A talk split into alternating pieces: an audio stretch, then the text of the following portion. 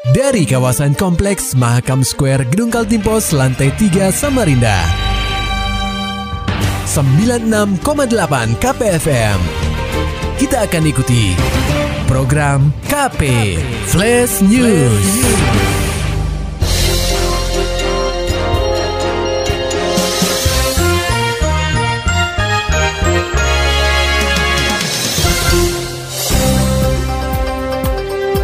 Anda sedang menyimak program KP Flash News bersama saya Agung Pratama.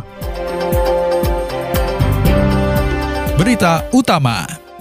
Pendengar KP, vaksinasi massal yang dijadwalkan terlaksana di Islamic Center pada Rabu 25 Agustus 2021 terpaksa dibatalkan akibat jenis vaksin yang datang tidak sesuai harapan.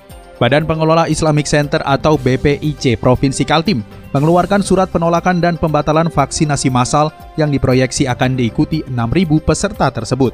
Ketua Umum Badan Pengelola Islamic Center Samarinda Awang Dharma Bakti mengatakan, Seharusnya vaksin yang akan didistribusikan kepada pihaknya adalah Moderna.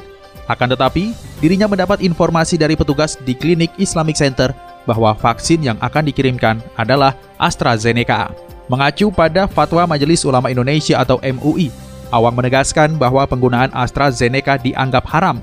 Penggunaannya memang diperbolehkan jika kondisi mendesak. Akan tetapi, masih ada jenis vaksin lain yang tersedia, sehingga BPIC terpaksa mengambil keputusan membatalkan pelaksanaan vaksinasi. Moderna, hmm. kalau Moderna ya sesuai dijanjikan kita nggak apa-apa, hmm. ya, ya. Tapi kalau yang jenazah ini karena jelas itu masih ulama mengatakan itu haram. Kalau haram kita dari Islam kita berdosa lah kita orang datang oh Islam apa segala kita suntik lah babi kan. Jadi kita menolak gitu ya surat. Mungkin bapak sudah baca suratnya ya. Hmm. Awang menuturkan pihaknya telah menghubungi peserta vaksinasi yang sudah menerima undangan terkait pembatalan pelaksanaan vaksinasi. Tak hanya itu, pihaknya juga mempublikasikan hal ini kepada media mainstream agar masyarakat tahu bahwa pelaksanaan vaksinasi massal di Islamic Center Samarinda batal. Saya sudah terpaksa tadi kerja keras dengan staf saya. Kan mereka sudah ada nomor HP-nya dengan hmm. kami. Nomor HP-nya, nomor apanya, alamatnya segala macam. Tadi semua kita sebarkan. Hmm. Kita, telip, kita telepon semua kita telepon oh. semua ya, orang-orang kita telepon semua membatalkan alasannya kita baktinya ditunda aja lah bukan oh, oh. alasan ah, ditunda tapi karena ada masalah itu nah oh. dua juga saya juga minta diumumkan juga di masjid segala macam di TV kita juga nah saya juga tadi minta sama anu sama teman-teman uh, dokter Eka tolong hubungi saya bilang anu kalau tim pos tribun apa segala macam sampaikan oh. itu supaya kita tidak disalahkan Menyikapi permasalahan pembatalan vaksinasi di Islamic Center, Wali Kota Samarinda Andi Harun memutuskan akan mengalihkan penggunaan vaksin AstraZeneca untuk digunakan kepada masyarakat non-muslim. Kebijakan ini diambil untuk menengahi problematika yang terjadi. Orang nomor satu di Samarinda ini juga telah mengarahkan Dinas Kesehatan atau Dinkes Kota Samarinda untuk mempersiapkan tempat guna pelaksanaan vaksinasi massal. Saya tadi meminta karena sehubungan dengan fatwa MUI ini, maka sebenarnya ini masih bisa digunakan, khususnya kepada non-muslim. Ya, daripada mubasir kan? Ya. Ketua MUI Kalti Muhammad Rashid turut merespons persoalan ini. Dia mengatakan mengacu pada fatwa MUI Pusat, vaksin AstraZeneca dapat digunakan dalam kondisi darurat, meski dalam kandungannya terdapat unsur babi. Rashid menjelaskan dalam fatwa MUI nomor 14 tahun 2021 tentang hukum penggunaan vaksin COVID-19 produk AstraZeneca. Terdapat klausul melanjutkan poin pertama yang menyatakan AstraZeneca haram, namun dapat digunakan dalam keadaan darurat. Karena itu kan dalam fatwa itu juga ada klausul di bawahnya. Yang mengatakan boleh digunakan karena kondisi darurat. Siap. Alasan kedaruratannya ada. Betul. Maka kalau begitu kesimpulan akhirnya dalam kondisi darurat itu menjadi halal, tidak lagi haram. Hmm. Sehingga tidak perlu sebenarnya terlalu dipermasalahkan. Jadi sebenarnya dari MUI mengizinkan berarti boleh ya Pak ya? Boleh dalam kondisi darurat. Indonesia kan kondisi darurat. Menurut Rashid, masyarakat tak perlu khawatir perihal vaksin AstraZeneca. Fatwa MUI yang sudah keluar itu lebih baik dilihat secara menyeluruh dan jangan sepotong saja. Upaya vaksinasi di Kaltim juga menjadi hal yang sejalan dengan ajaran Islam. Sebab karena adanya pandemi, maka semua pihak wajib bersama-sama demi menyelesaikan masalah tersebut. Berita selanjutnya, genjot pelaksanaan vaksinasi pelajar, Pemkot Samarinda merencanakan untuk membuka dua sekolah. Laporan selengkapnya akan disampaikan reporter KPFM Samarinda, Muhammad Nur Fajar. Pemkot Samarinda mulai menggenjot pelaksanaan vaksinasi kepada pelajar. Hal tersebut dilakukan agar sekolah bisa menggelar pembelajaran tatap muka atau PTM meski dalam kondisi pemberlakuan pembatasan kegiatan masyarakat atau PPKM berbasis level. Wali Kota Samarinda, Andi Harun menyampaikan, dirinya telah berkoordinasi dengan Dinas Pendidikan atau Disdik Samarinda untuk mempersiapkan PTM.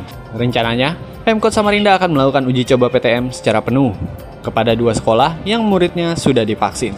Nah, mungkin dalam beberapa waktu depan kami akan mencontohkan dua sekolah Sesuai dengan arahan Bapak Presiden, bagi sekolah siswa yang sudah melaksanakan vaksin, silahkan tetap muka. Nah kita lagi siapin ini, lagi siapin, bukan prosedurnya persiapan untuk vaksin. Sekolah. Vaksin ini kan untuk anak sekolah sekarang ini ketentuannya harus Sinovac. Jadi saya sudah minta tadi stok vaksin sampai cukup untuk melaksanakan. Kalau tidak bisa dua sekolah, satu sekolah dulu kita ingin buka full nih.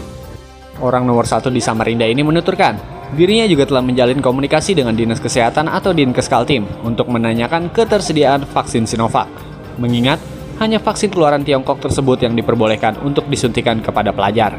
Walau merencanakan pelaksanaan PTM secara penuh, Andi Harun tetap meyakinkan bahwa proses pelaksanaannya nanti sesuai protokol kesehatan atau prokes yang ketat.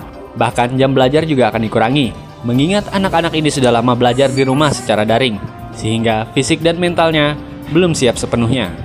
Ancang-ancangnya SMP atau SMA Pak? SMP dulu. SMA kan provinsi. Provinsi. SMP SD nanti dulu. Ini SMP dulu.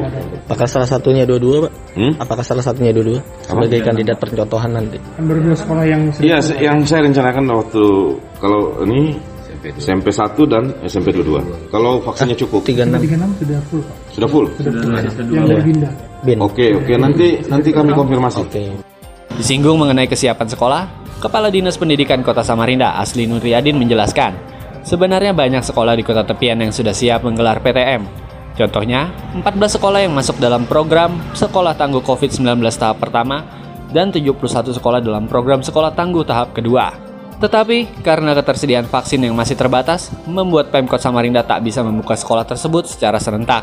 Perihal prokes, secara umum sekolah yang masuk dalam program sekolah tangguh juga sudah memenuhi syarat yang telah ditentukan. Saya kira itu standar kita pakai itu insya Allah kita siap. Uh, yang yang kita tidak siap itu nanti kalau keharusannya harus pakai vaksin. Gitu ya, uh, itu nanti perlu pertimbangan lebih jauh ya. Dan uji coba kita yang apa namanya yang uh, 14 sekolah itu dengan 200 2100 anak itu alhamdulillah mereka kan tanpa divaksin kemarin iya. 4 bulan itu artinya jalan aja tidak ada yang ekstrim lah ya seperti itu Meski begitu, Asli tetap menggeber persiapan pelaksanaan PTM penuh untuk dua sekolah sesuai arahan Wali Kota Samarinda. Untuk sekolah lain juga akan diusulkan di dalam rapat. Hanya saja, segala keputusan akan bergantung kepada orang nomor satu di kota tepian itu nantinya. KPFM Samarinda, Muhammad Nur Fajar melaporkan. Beralih ke berita selanjutnya pendengar KP, pemerintah terus berupaya membangkitkan sektor ekonomi. UMKM jadi bidang yang disoroti agar dapat memulihkan ekonomi di negeri ini.